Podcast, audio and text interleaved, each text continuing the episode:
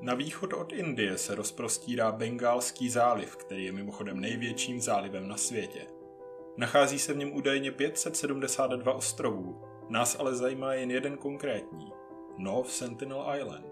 Tohle je jeho satelitní fotka. Na obrázku nejde vidět žádná budova, takže si možná myslíte, že tam nikdo nežije, ale to byste se hodně pletli. Ostrov má zhruba 8 km od severu na jih a asi 7 na šířku. Přesto je domovem jednoho z posledních domorodých kmenů na naší planetě, který stále odmítá kontakt se zbytkem světa. Tamní obyvatelé žijí bez jakékoliv nadsázky na technologické úrovni pravěku. Podle všeho neumějí obdělávat půdu a ani nedokáží rozdělat oheň.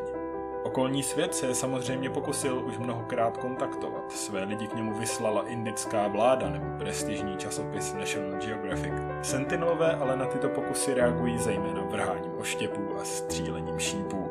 Ještě v roce 2006 třeba zavraždili dva rybáře, kteří v blízkosti ostrova ilegálně lovili. Indická vláda proto všechny další výpravy zakázala. Částečně i z obavy, že by si imunitní systém domorodců vzhledem k jejich dlouhé izolaci nedokázal poradit s chorobami, proti kterým už má zbytek lidstva dávno patřičné protilátky. Velké obavy vzbudilo tsunami, které se Indickým oceánem prohnalo v roce 2004.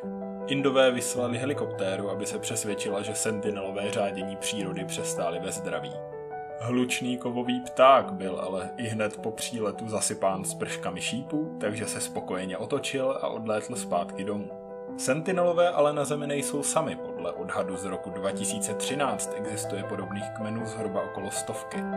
Tenhle ale patří mezi vůbec nejzáhadnější, netušíme totiž ani kolik sentinelů vlastně je. Nemáme dokonce ponětí, jakým jazykem mluví, nebo ti nerozumí ani řeči svých nejbližších sousedů. Na Anekronu jsme se zabývali už mnoha ohromujícími světy. Jak už jste ale asi uhodli, dnes si povíme několik úžasných faktů o tom vůbec nejzajímavější.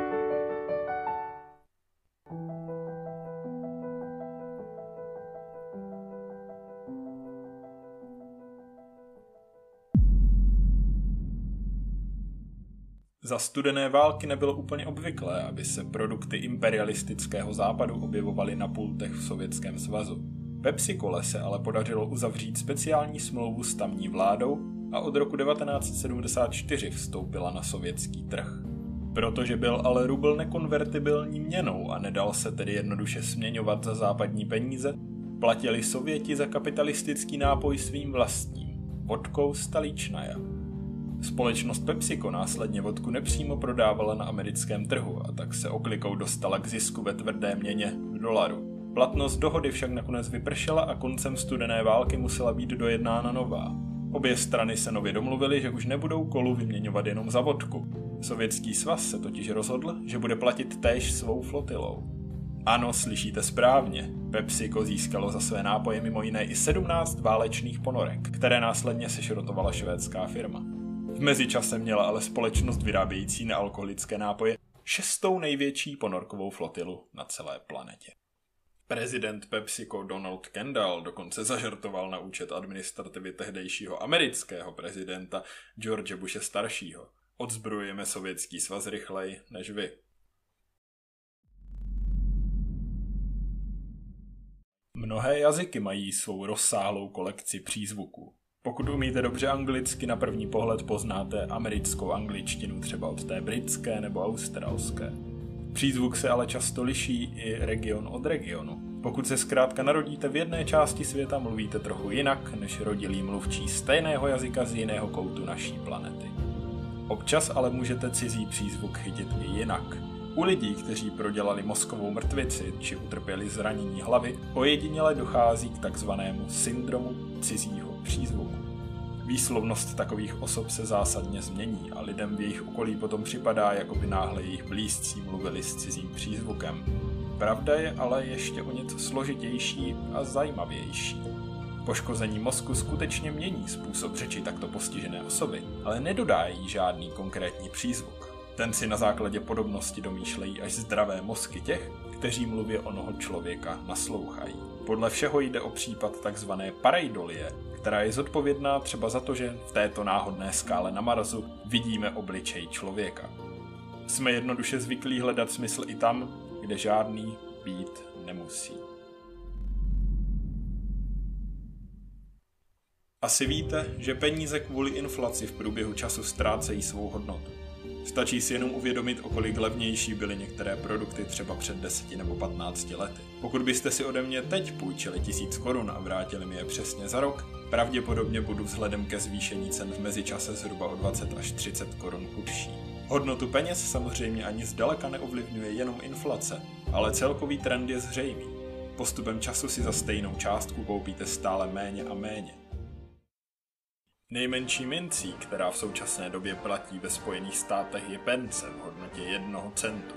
Do oběhu byla poslána v roce 1793 krátce po vyhlášení nezávislosti země a razí se dodnes. Zatímco ale koncem 18. století skutečně existovaly věci, které jste si mohli pořídit za jednu penci, současná hodnota této mince je naprosto mizivá.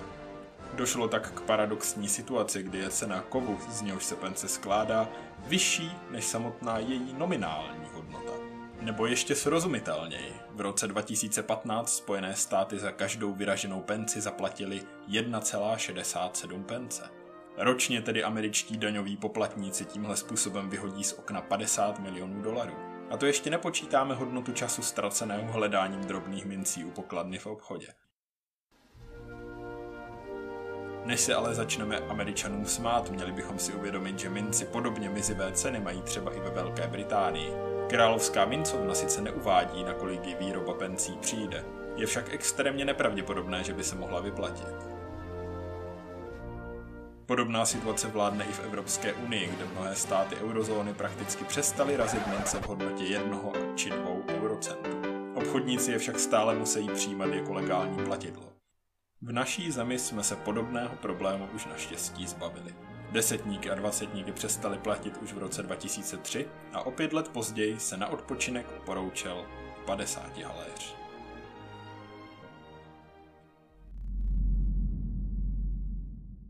Japonská kuchyně zná některé postupy přípravy jídla, které možná Evropanovi způsobí mrazení v zádech. Technika ikizukuri spočívá v tom, že kuchař připraví rybu, humera nebo třeba i chobotnici, aniž by ji v průběhu toho usmrtil. Slyšíte správně. Tvoru na vašem talíři třeba ještě pořád bije srdce, když se do něj poprvé zakousnete. Způsob přípravy spočívá z pravidla v tom, že se tepelně upraví dolní část těla živočicha, zatímco ta horní s kriticky důležitými orgány zůstane nedotčená. Asi vás nepřekvapí, že byla technika ikizukuri třeba v Austrálii nebo v Německu zakázána. Náš mozek kontroluje v těle i procesy, které nejsme schopni vědomně vnímat. Pokud si poškodíte zrakový kortex, ale vaše oči optické nervy stále pracují správně, může u vás dojít k takzvané slepozrakosti. Takoví lidé jsou fakticky nevidomí, ale pokud je pošlete přes místnost plnou různých překážek, dokáží se všem vyhnout, aniž by je viděli.